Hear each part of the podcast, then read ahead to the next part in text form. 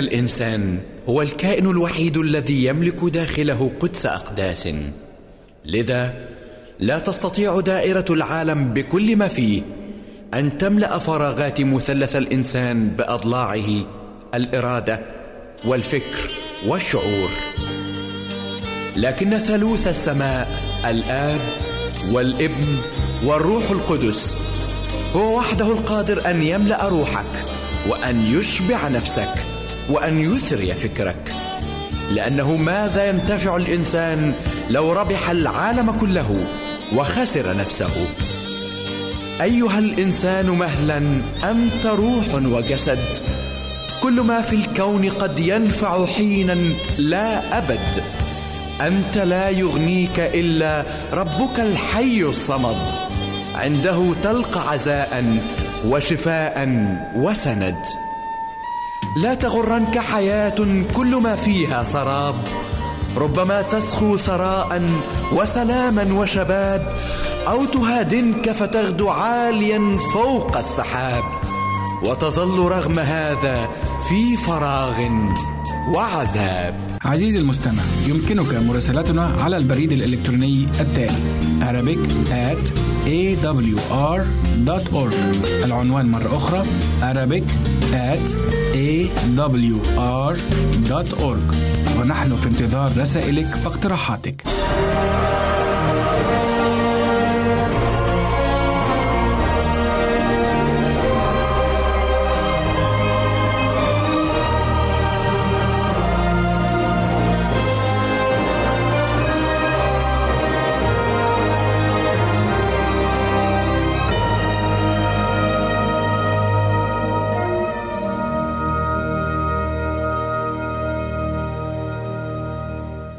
أهلا ومرحبا بكم في حلقة جديدة من برنامج مدرسة الأنبياء. آه، الحلقة اللي فاتت اتكلمنا عن البساطة في حياة إيليا وعرفنا إزاي إيليا عاش حياة بسيطة في المأكل والمشرب والملبس إلا إنه كان بيمتاز بالشجاعة. النهاردة عنوان حلقتنا أخاب الملك والنبي إيليا وإزاي النبي إيليا كان آه، بيواجه الشر بشجاعة. مبسوطين يا أسيس إن حضرتك تكون معانا آه، في حلقة جديدة. نبدأ الحلقة بسؤال زي ما إحنا متعودين. كيف اتصف النبي إيليا بالشجاعة في مواجهة في مواجهة الخطية؟ الشجاعة مطلوبة في الأيام اللي إحنا فيها. كل كل الناس بتحب الشجاعة. مفيش حد ما يحبش حد يكون شجاع سواء كان آه، ولد أو بنت رجل أو امرأة شاب أو شابة. الشجاعة مطلوبة في الزمن الحاضر اللي إحنا فيه. كلنا المفروض يكون فينا الشجاعة. أما الشجاعة اللي اتصف بها النبي إيليا هنا هي هتكلم عن ثلاث حاجات فيها. واجه إيليا الشعب المتردد في عبادة ربنا ودي كانت محتاجة شجاعة من شخص. لازم من واحد يقابل يواجه الشر ويقف ضده ويواجهه ويواجههم بشجاعة ويقول لهم أنتوا على خطأ لأنكم أنتوا سبتوا عبادة ربنا واتجهتوا لعبادة البعل. فدي كانت محتاجة شجاعة محتاجة واحد واحد ياخد خطوة شجاعة ويقف يتصدى للشر بكل عنفوانه ويقول لهم ايا كان مهما كانت التكلفة هيقول لهم أنتوا على خطأ. فدي كانت أول حاجة من حاجة من من الشجاعه اللي اتصف بها النبي ليه الحاجة الثانية واجه الملكة الشريرة إيزابل مع إنها كانت في كل جبروتها وسلطاتها بتقتل كل أنبياء الله وكانت بتحامي عن أنبياء البعل. لكن إيليا ضرب بكل اللي بيحصل دوت عرض الحائط ما فكرش في الموت ما فكرش في نفسه وواجه الملكة الشريرة ايزابل بشجاعته اللي ربنا اداها له. حاجة ثالثه برضو بالنسبة اللي اتوصف بها النبي ايليا في الشجاعة إنه واجه الملك اخاب نفسه. وبيقول زي ما قال الكتاب المقدس في العهد الجديد محاربتنا ليست مع دم. ولحم. فإيليا كان بي بي بي بيحارب ما هو أكتر من أنه يواجه الملك أخاب والملك آه، أخاب. بل كان بيواجه كمان الشيطان في في فيهم. كان بي بيواجه الشيطان اللي كان موجود في داخل إيزابل وداخل أخاب الملك. فشجاعة إيليا اللي استمدها من ربنا نعم. لأنهم نظروا إليها واستناروا ووجوههم لم تخجل. إيليا كان فيه الشجاعة ديت وواجه الخطية بشتى طرقها. إيه هو مفهوم الشجاعة من وجهة نظر الدين؟ وهل الشجاعة أن الإنسان يجازف أو يخاطر بحياته في موقف ما؟ يمكن بعض الناس يفهموا مفهوم يسوء فهم كلمة الشجاعة في حد ذاتها. الشجاعة لها مخاطرة ولها مجازفة ولكن المفروض الإنسان اللي هيخطو خطوة في شجاعة الأول يحكم العقل ويشتغل بحكمة لأن الحكمة مطلوبة في الزمن اللي إحنا فيه. وما اشتغلش بدون بدون عقل لأن لو اشتغلت بدون عقل ده معناها ده مش شجاعة عمرها ما كانت شجاعة. أنا ممكن أعمل أي حاجة وخلاص أقول دي شجاعة. ممكن أرتكب خطأ واقول دي بسبب شجاعتي. لا. أنا أعرف نوعين من الشجاعة كمان. عندنا الشجاعة الأدبية اللي فيها الإنسان بيواجه الخطية وبيواجه الشر وفي شجاعة بطولية. شجاعة بطولية حتى مش إنك أنت تقف تبارز حد لا. شجاعة بطولية في إنك أنت تقول الحق في قدام صاحبه حتى لو كان قدامك ده شخص يعز عليك.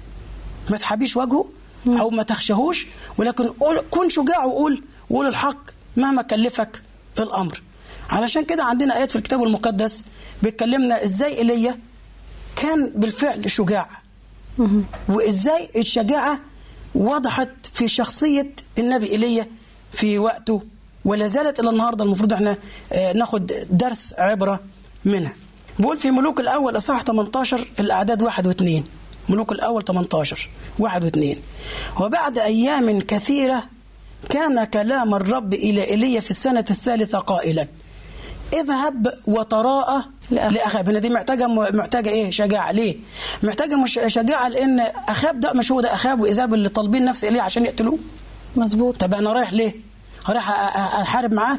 لا إيليا لا معاه معاه آلات حرب ولا ولا مسدسات ولا أي حاجة من الكلام من الكلام ده كله. ولا ده طبع إيليا يعني. ولا ده كان طبع إيليا. طب رايح رايح عنده ما أقوى معاه الرب نفسه. معاه الله اللي هو بيدافع معاه الله اللي بيديه القوة. فكان رايح يواجه اخاب لأن الرب هو اللي قال له.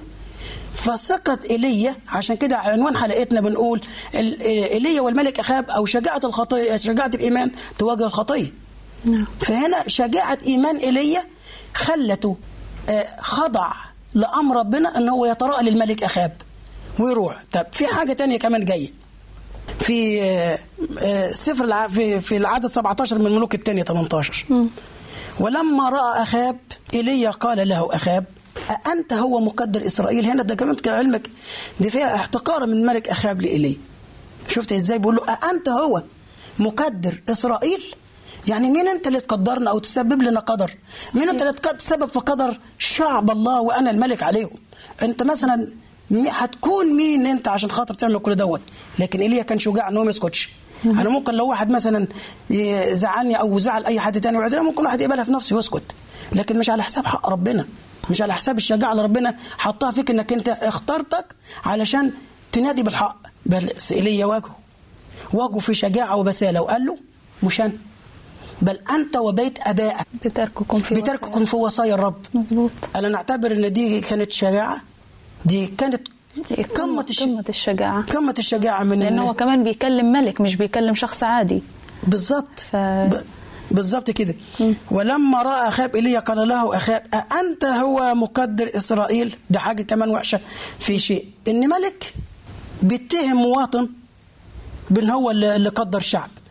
وفي نفس الوقت وللأسف الشديد إن الملك دوت هو وبيته هو اللي بتسبب في قدر الشعب. يعني أنا في أنا الصفة وبرميها على غيري. بقول لا أنا ما عملتش حاجة. فين بقى الشجاعه ان أنا أبين هذا الشخص خطأه. أقول له لا خلي بالك. أنت بترمي الملام على غيرك وأنت الملام. أنت المخطئ. إزاي إزاي أخاب الملك؟ بيرمي الوهق أو بيرمي اللوم على على النبي إيليا في حين ان هو الملك هو اللي ماسك كل زمام الأمور. هل الملك أخاب كان عارف إن الله معضد ومساند إيليا وإنه هو جاي من قبل الله؟ أكيد. بالتأكيد ال- الملك أخاب كان عارف إن الله كان عضد وسند لايليا ولذلك أخاب كان بي كان في داخله. حتى لو ما أظهرهوش كان في داخله خوف. أو كان في داخله شيء إيليا. كان في داخله شيء من الرعب من ايليا والدليل لو رجعنا شوية للكرم نبوت اليزرعيلي لما لما لما ايليا لما ايليا واجه أخاب في الكرم قال له إيه؟ قال له إيه أخاب؟ قال إيه لايليا أوجدتني يا عدوي. ايليا رد عليه. واجهه برضه في كل شجاعة وبسالة قوية جدا جدا. تعالوا تعالوا نتأمل فيها في الكتاب المقدس. قال له إيه؟ قال له أليس لأنك بعت نفسك لعمل الشر؟ أنت بتقول علي أنا عدوك؟ هو أنا كنت حاربتك؟ هو أنا كنت رئيس دولة زيك؟ ولا ملك عشان أقف احاربك ليه بتقول علي ان عدوك؟ وللأسف الشديد هنا بتيجي كان فيه رعب. كان في رعب في داخل الملك أخاب. عشان كده كان بيقول له انت عدوي. لما رجع مرات زوجته آه، ايزابيل قالت له إيه؟ مالك وجهك مكمد اليوم وأنت بغير مريض. حكى لها بس معناه يعني بس سيب الحكاية دي عليا أنا. أنا اللي خلصت كل الأمور بتاعت نبوت اليزرعيلي يبقى كان بيخاف كان كان عنده خوف ورعب في داخله من ايليا طب إيه اللي تتطلبه منا الشجاعة الأدبية آه، اللي نتصرف بيها في الأيام اللي إحنا عايشينها؟ يعني اي إحنا عايشين في وسط أو في مجتمع أو في زمن بيزيد فيه العنف يوم بعد الآخر إزاي نعيش ب- بشجاعة أدبية في مجتمعنا اولا إن أنا أكون شجاع وأحط و- وهقسمها لك في ثلاث نقط عشان حتى السادة المشاهدين يقدروا يستفيدوا بحاجات بسيطة نقدر نوصلها لهم. أول حاجة الشجاعة ليست تعني الافتراء على الغير. مش عشان أنا شجاع ولا انسان قوي إن أنا آه، أفتري. لا طبعا. الشجاعة ما بتخليش حد يفتري. زي ما قلنا قبل كده الشجاعة أنا بس أكون شجاع في قول الحق إن أنا أقول الحق وزي ما ربنا قال لي ليكن كلامكم نعم نعم لا لا ما زاد على ذلك فهو من الشرير. من الشرير. رقم اثنين الشجاعة ليست التهور. اللي التهور ممكن يودي للهلاك. ما تتهورش لا. ادر الأمور كويس واحسبها صح. وشوف أنت بتقول إيه؟ وشجاعتك هتوصلك لفين؟ رقم ثلاثة بتقول لنا حاجة جميلة جدا. الشجاعة يجب أن تكون مقادة بالحكمة. مظبوط. يعني في امتثال مش لحكمتي أنا ولا حكمة الشخص اللي يروح زي النبي. إليه الحكمة الإلهية. الحكمة الإلهية المستمدة من الله الحي اللي بيدي الجميع بسخاء زي ما قلنا قبل كده. فتعالوا نشوف الكتاب المقدس بيقول لنا إيه؟ في متى 10 16 و17 ها أنا أرسلكم كغنم في وسط ذئاب فكونوا حكماء كالحيات وبسطاء كالحمام ولكن احذروا من الناس. طبعا مش أي ناس نحذر منهم. ناخد حذرنا من الأشرار. أكيد. ما ينفعش إن إحنا نجالسهم أو نخالطهم أو إن إحنا آه، ناخد حذرنا منهم لأن هم بيجرونا العمل الشر. الشر. ثاني حاجة في عندنا في أفسس خمسة. آية جميلة تاني عايز أشارككم بيها. أفسس خمسة الأعداد 15 ل 17 شوفوا بيقول لنا إيه الكتاب المقدس. فانظروا كيف تسلكون بالتدقيق. لا كجهلاء بل كحكماء مفتدين الوقت لأن الأيام شريرة. شريرة نعم. فعلا بأمانة وصدقوني آه عن طيب خاطر الأيام اللي إحنا فيها شريرة مثل ما كانت أيام الملك أخاب وعشان كده الكتاب المقدس بيقول لنا الكلمات ديت مفتدين الوقت لأن الأيام شريرة من أجل ذلك لا تكونوا أغبياء الكلمة مش كلمتي دي كلمة أنا أجيبها من الكتاب المقدس. بل فاهمين ما هي مشيئة الرب. وعلى فكرة الكلمة دي مش كلمة وحشة كلمة جميلة جدا. يعني عايز يقول لنا كونوا فاهمين. عايز يلفت نظرنا إن إحنا نكون ماشيين وشغالين بالحكمة. يكون عندنا حكمة. ما أكونش أنا إنسان آه، ماشي آه، بالبركة آه، مش بالبركة ماشي يعني كده بدون بدون حكمة وبدون ترتيب وبدون نظام في حياتي. صح. لا لازم أنا أكون ماشي بحكمة واسلك بترتيب لأن إلهنا إله نظام وإله ترتيب, ترتيب. وده اللي كان بيسلكه كان مسلك كل المؤمنين ومسلك كل الأنبياء قديما. سلكوا بحكمة تحت يد الله القويه يا أسيس دلوقتي نستأذنك نتوقف لفاصل قصير. نكمل بعد الفاصل. ابقوا معنا.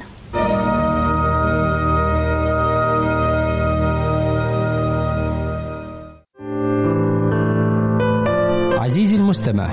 يمكنك مراسلتنا على عنواننا الإلكتروني Arabic at awr.org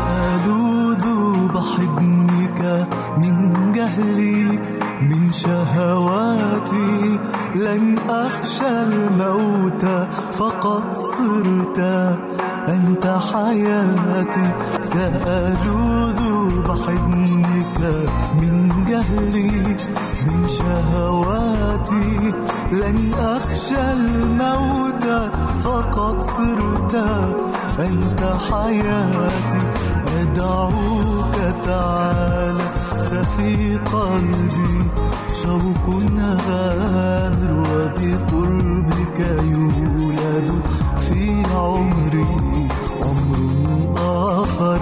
أدعوك تعالى ففي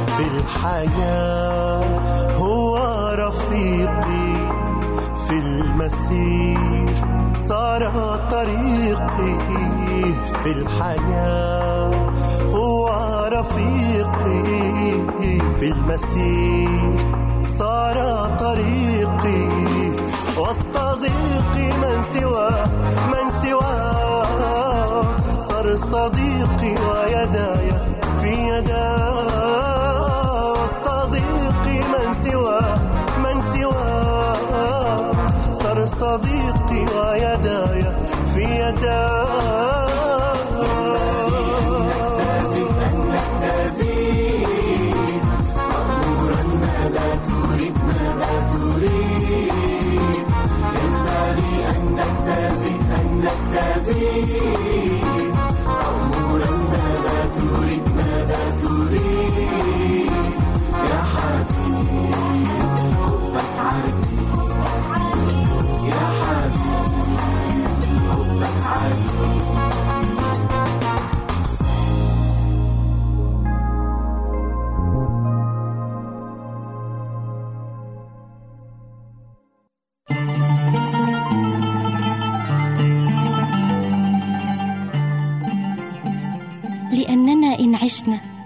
فللرب نعيش. مثمرين في كل عمل صالح. ونامين في معرفة الله. وإن متنا فللرب نموت. فإن عشنا وإن متنا فللرب نحن. علمني أن أعمل رضاك لأنك أنت إلهي. أن أفعل مشيئتك يا إلهي سررت. طعامي أن أعمل مشيئتك وأتمم عملك. طرقك يا رب عرفني سبلك علمني روحك الصالح يهديني.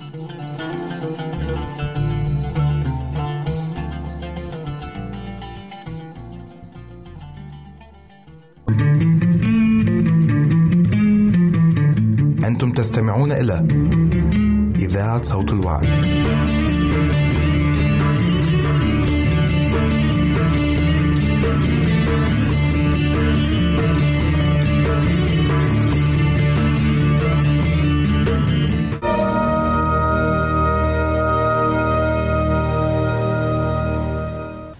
أهلا ومرحبا بكم مرة أخرى بعد الفاصل. نعود لنكمل حديثنا مع جناب القس رزق عن النبي إيليا ومواجهته لأخاب الملك. في بعض الأحيان آه، الناس أو بعض الوعاظ بيطلقوا على النبي إيليا إنه النبي الضعيف لأنه هرب من وجه الملكة الشريرة إيزابل. وإحنا بنتكلم عن الشجاعة في حياة ال- النبي إيليا عايزينك تشرح تشرح سؤال كويس جدا. اولا تصحيح الفكرة أو المفهوم على بعض الناس أو الوعاظ أو الخدام اللي بيقولوا إن هو ضعيف. الغالبية العظمى في وعظهم بيقولوا في خدمتهم عنه بيقولوا القوي الضعيف. وتاني حاجة إن هو عندنا برضو كام حاجة كده عنه في النقطة ديت. هل هو كان ضعيف ولا ولا ولا إيه؟ اولا كلنا آه كلنا بشر. نعم. وإيليا كان بشر. وقال عنه يعقوب 5 17 قال عنه آية جميلة جدا؟ إيليا كان رجل تحت الآلام مثلنا مثلنا مظبوط. يعني ما خلينا نشوف كمان ال ال ال الكتاب المقدس بي بيقول لنا كلمات ما أعظمها. خلينا ناخد بيها ما ناخدش بفكرة الناس وبس. لا نرجع للدستور الوحيد بتاعنا اللي بي اللي بيدينا التعليم المنتقاه والتعليم اللي جاية من قبل ال- الله نفسه مش من مش مش من مشيئة إنسان ولا من مشيئة حد بل من مشيئة الله. صحيح. أول نقطة بتقول هرب ايليا من أجل نفسه لسبب تهديد الملكة الشريرة ايزابل وعلى فكرة هنا ده مش ضعف ده دي أنا بقولها ده دي كانت حكمة منه. حكمة إن هو يهرب من الشر. يعني في وقت الشر في وقت الشر دي حكمة إن الإنسان ما يواجهش ال- الشر. مش خطية إن أنا أهرب من إن أنا أهرب من الشر لحياتي آه إن كان إن كان فيه إن كان في هناك آه، شر يهددني. يعني نقدر نقول إنه شر الملكة إيزابل تعظم في الوقت ده فهو آه، اضطر إنه يهرب لحياته. ودي كانت حكمة منه. دي حكمة مش مش ضعف. بالظبط كده. رقم اتنين الرب لم يعاقب ايليا على هروبه. لما ربنا كلم ايليا وقال له ما لك هنا يا ايليا ده كان عتاب وليس عقاب. صحيح. يعني أنت ضعفت ليه؟ حتى لو كان ضعف. بيقول له ما لك هنا؟ يعني ده مش مكانك. أنت ليك مكان تاني غير كده. فهنا الرب لم يعاقب ايليا على هروبه بل وبخه توبيخا لطيفا. ما لك هنا يا ايليا قال له كلمات جميلة جدا. الحاجة الثالثه فالمؤمنين مثلما يصعدوا فوق الجبال زي ما صعد ايليا فوق جبل الكرمل وع- و- وكان في ال- في, المرت... في, في, في الارتفاع. أحيانا بتمر بكل واحد منا لحظات ضعف. آه يعني لقينا إنه ده حصل مع ايليا مباشرة بعد ما أفنى أنبياء البعل على جبل الكرمل وكان انتصار عظيم للرب. هرب ف- هرب في البراري. آه يعني ده زي ما كا- كان عالي الضعف خلاه نزل في الوديان. صحيح. فاحيانا الإنسان بي بي بي بيسبح في سماء فضاء الروحيات وأحيانا تبص الإنسان بسبب لحظة ضعف ينزل لوادي الضعف بقى لها خطية ضعف لحظة ضعف. زي ما بنقول الكتاب المقدس الصديق يسقط في اليوم سبع مرات ويقوم. صحيح. المهم إنه يقوم ما يستمرش ولا ما يستمرش في ضعفه أو ما يستمرش في خطأ آه، ارتكبه سهل. لا المهم الواحد يرجع مرة تاني. والإدراك ان هو يدرك ان هو ان هو بعد شوية أو ضعف آه، أو ضعف شوية. عندنا عندنا حاجات كتيرة الرب آه، بيكلمنا فيها. لما الله كلم موسى عشان يواجه فرعون قال له آه، ما تخافش أنا أكون معاك. ايليا برضو الرب كان معاه يشوع الرب كان معاه. إحنا النهارده بعدد أيام السنة الرب يقول لا تخف أنا معك. فمش عايزنا نضعف مع اننا أحيانا برضه بنضعف. تخيلي كمان ألفت نظر نظرك لحاجة ونظرة السادة المشاهدين. ربنا وبخ ضعف إيمان بطرس وقال له لماذا شككت يا قليل الإيمان؟ صحيح. ولكن الرب لما راح لإيليا ما قالوش أنت شكيت لي يا قليل الإيمان. قال إيليا إيه؟ ما لك هنا ما لك هنا إيليا؟ يا إيليا؟ ده مش مكانك. أنت قوي. صح. ما أنتش ضعيف. و- ويمكن كمان كان عايز يقول له أنا أنا أنت كويس إنك أنت تصرفت بحكمة وهربت من ملك ايزابل يعني نقدر نقول إنه الرب عايز يقول له أنت نسيت الانتصار اللي أنا حققته معاك فليه ليه جيت للمكان ده؟ بالظبط. آه. بالظبط. آه، طيب يا أسيس آه، عايزين حضرتك تلخص لنا الحلقة في اتكلمنا عن حياة الشجاعة حياة النبي إيليا. آه، إيه الدروس المستفادة اللي نقدر نطبقها في حياتنا وفي وقتنا الحالي إن إحنا نعيش بالشجاعة وفي نفس الوقت ما نكونش ضعفاء؟ الملك داود والنبي في نفس الوقت صلى أعظم وأرقى الكلمات.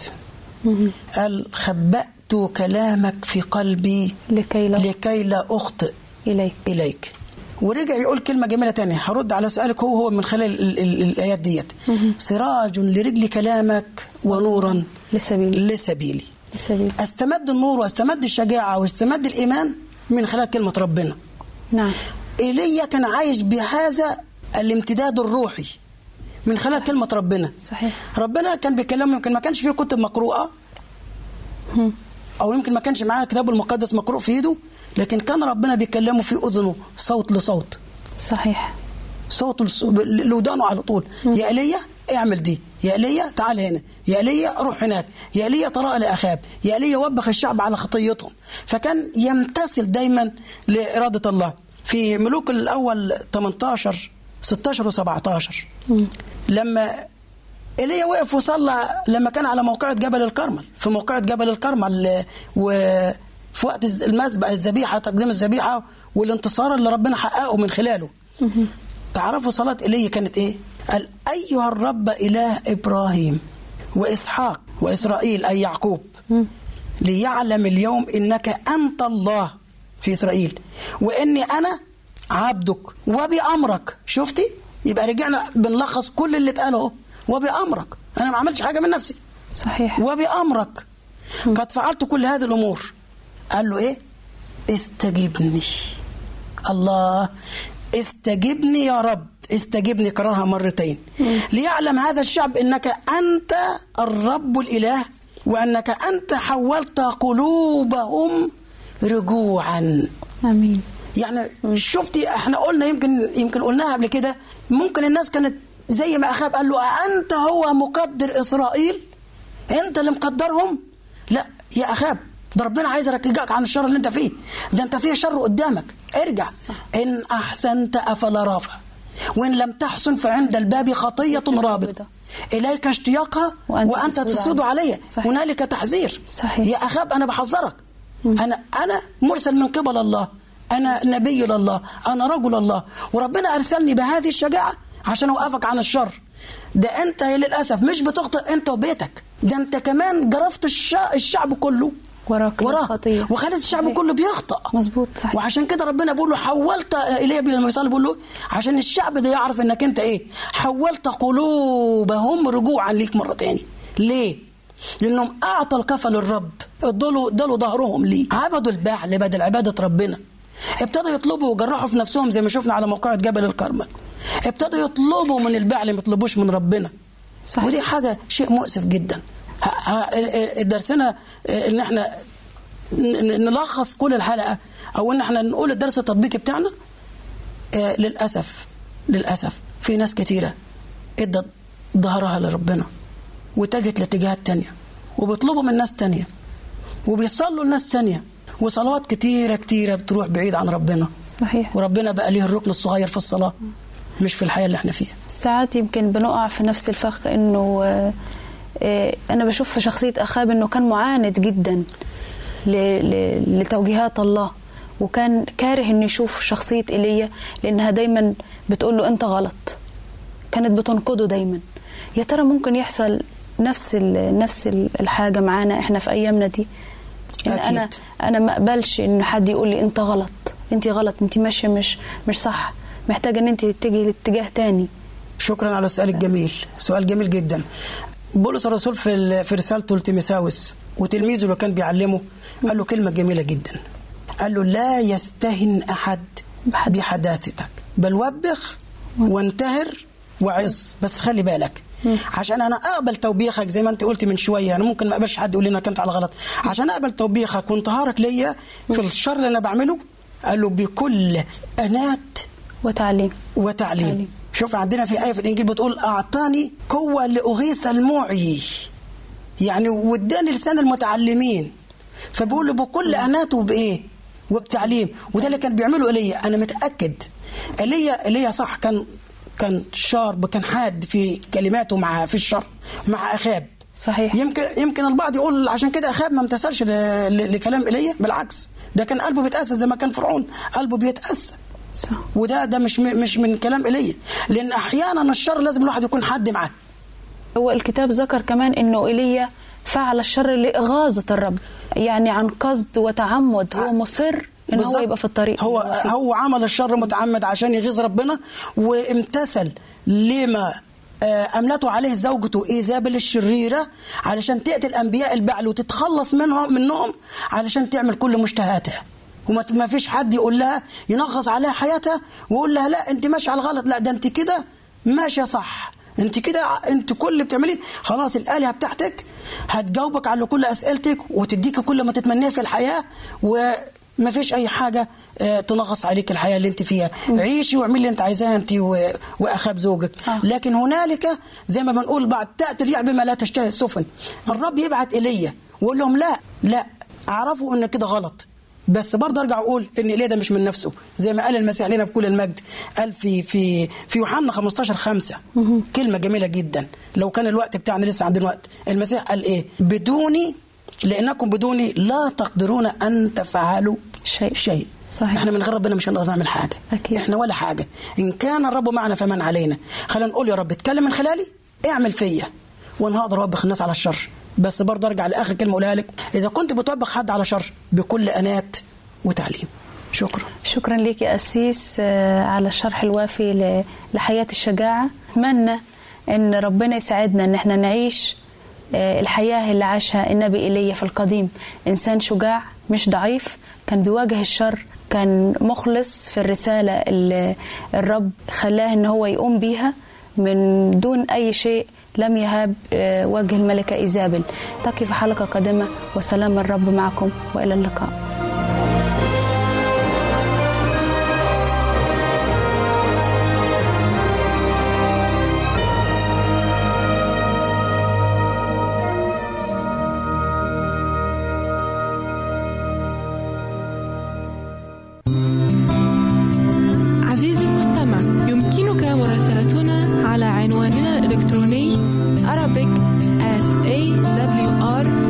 York.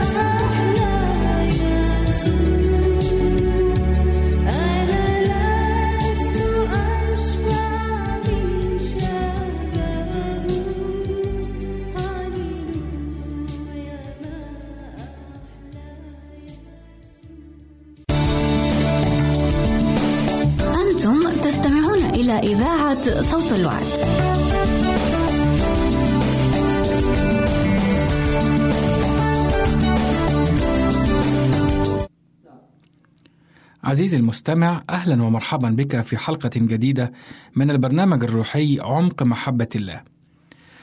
تعالوا معا نقرأ هذه الآية الجميلة الموجودة في مزمور 23 والعددين واحد واثنين حيث تقول: الرب راعي فلا يعوزني شيء، في مراع خضر يربدني، إلى مياه الراحة يوردني. نجد أن النبي داود في هذه الآية يدعو الله الخالق العظيم بالراعي الأمين وأيضا نجده قد شبه الناس جميعها بالرعية أو بالخراف. لذلك حلقة اليوم بعنوان الراعي الأمين فابقوا معنا. لابد وأنك عزيزي المستمع قد شاهدت في أحد الأيام راعيا يقود قطيعه. ولا بد وأن يكون قد لفت انتباهك منظر قطيع الخراف وهو يسير وراء راعيه بهدوء واطمئنان عالما أن هذا الراعي سيحافظ عليهم من الذئاب ومن أي خطر يحيط بهم. بل والراعي أيضا يقود خرافه إلى أماكن الخضرة والعشب حيث يمكنها أن ترعى فتأكل وتشرب. والمعروف عن كل راع أمين أنه يحب قطيعه محبة عظيمة.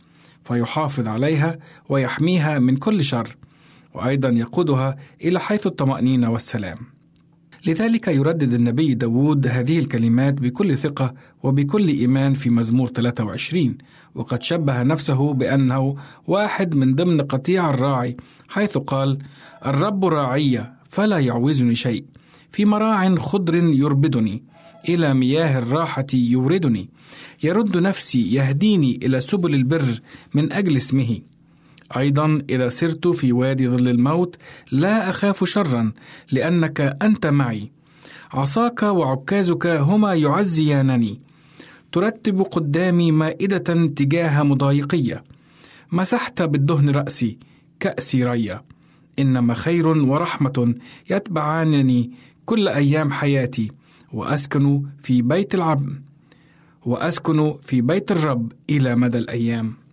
نلاحظ أن في نلاحظ في هذه الكلمات التي خاطب بها النبي داود الله في المزمور الثالث والعشرين أن فيها بعض النقاط الهامة والتي سوف نلقي عليها بعض الاهتمام مثل أولا في العدد الأول حيث قال الرب راعي فلا يعوزني شيء. قد شبه الله العظيم بأنه هو راعينا وبالتالي لا يعوزنا أي شيء. ثانيا في العددين الثاني والثالث حيث يقول في مراع خضر يربدني إلى مياه الراحة يوردني يرد نفسي يهديني إلى سبل البر. أي أن الله الراعي يسيرنا في طريق الخير ويحافظ علينا ويهدي نفوسنا ويرينا طريق خلاصنا من الشر ومن الخطية. ثالثا في العدد الرابع حيث يقول إذا سرت في وادي ظل الموت لا أخاف شرا لأنك أنت معي. بمعنى إذا كان الإله العظيم راعينا معنا فإننا لا نخشى الشرور لأن الله سيحمينا لأننا نتكل عليه فإن كان الله معنا فمن علينا. رابعا في العدد السادس حيث يقول إنما خير ورحمة يتبعانني كل أيام حياتي وأسكن في بيت الرب إلى مدى الأيام. وهذا معناه أننا إذا اتكلنا على الله راعينا وسرنا في طرقه فإنه سوف يرحمنا برحمته كل أيام حياتنا ونعمته سوف تسكن معنا إلى الأبد. نعم إن الله هو الراعي الأمين والوحيد لنا حيث يقول النبي داود في مسمور مئة والعدد ثلاثة حيث يقول النبي داود في مزمور 100 والعدد ثلاثة هذه الكلمات الجميلة والتي بها ثقة كبيرة جدا في محبة الله ورعايته لشعبه حيث يقول اعلموا أن الرب هو الله هو صنعنا وله نحن شعبه وغنم مرعاه.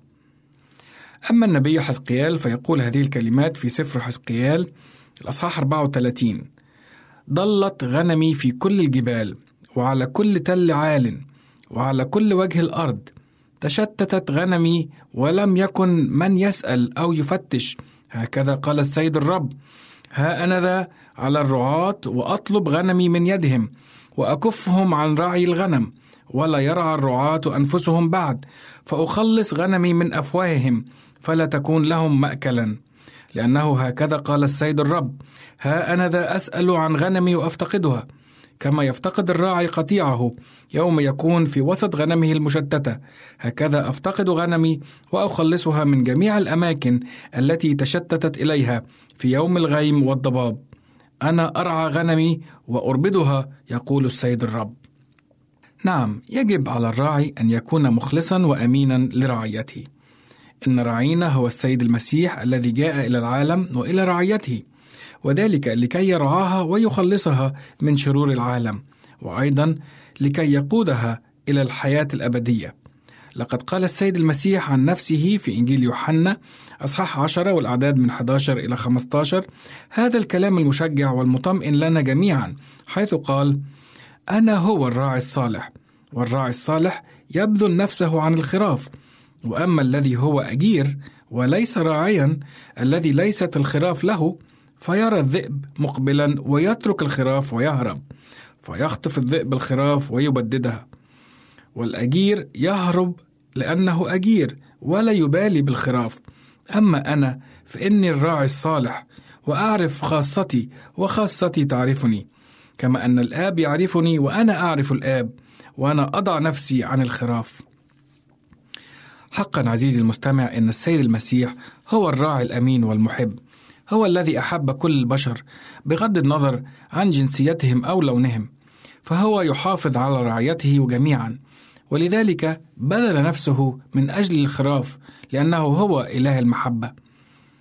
فما أجمل عزيزي المستمع أن نعترف بفضل هذا الراعي العظيم ونسير في خطاه ونؤمن به ونسبح اسمه قائلين مع المرنم الجميل داود في مزمور 79 وعدد 13 أما نحن شعبك وغنم رعايتك نحمدك إلى الدهر إلى دور فدور نحدث بتسبيحك. وما أجمل أن تترك عزيزي المستمع أن الرب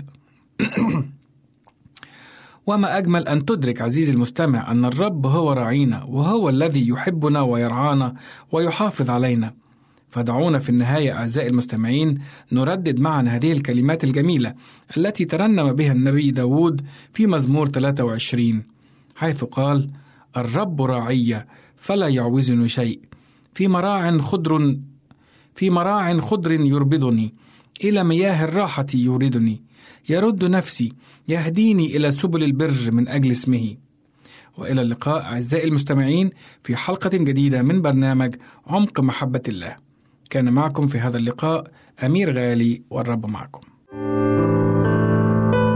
عزيزي المستمع يمكنك مراسلتنا على عنواننا الإلكتروني Arabic at awr.org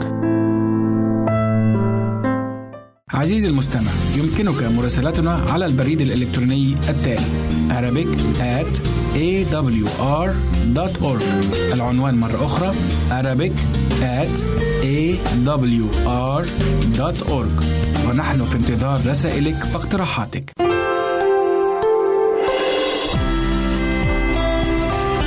هنا إذاعة صوت الوعد.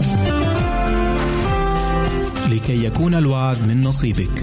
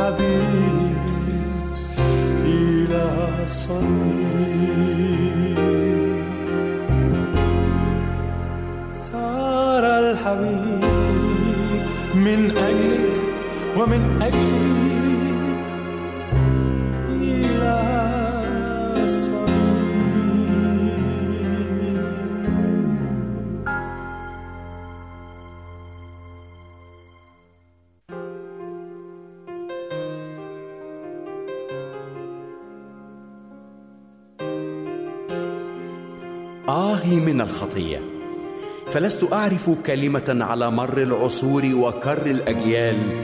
أرقت فكر الإنسان سواها وشوهت جماله عداها ودمرت سلامه مثلها وحطمت شخصيته قدرها. فالخطية تلوث النفس وتدنس الفكر وتدمر الإرادة. إنها تدين الإنسان أمام عدالة الله كتابيا. وتطرحه تحت ثقل الديون مفلسا عمليا. فالخاطئ مريض أخلاقيا. يعيش في أصفاد وقيود عبودية إبليس زمنيا. وتحت قصاص الدينونة الإلهية أبديا. وعلى قدر قسوة الخطية وسلطتها وسطوتها كان خلاص المسيح في تبريره وتقديسه لأقذارنا وتطهيره وتحريره لقيودنا. فهو يخلقنا خليقة جديدة ويجعلنا نشارك الطبيعة الإلهية المجيدة ويضمن بوعوده لنا الأبدية المباركة السعيدة. لقد جاء لكي يطلب ويخلص ما قد هلك. إنه يخلص إلى التمام. إنه قال ها أنا ذا واقف على الباب وأقرع إن سمع أحد صوتي وفتح الباب. أدخل إليه وأتعشى معه وهو معي. نعم شخص شريف بالباب يقرع فافتح له يا خائف فالخوف ينزع.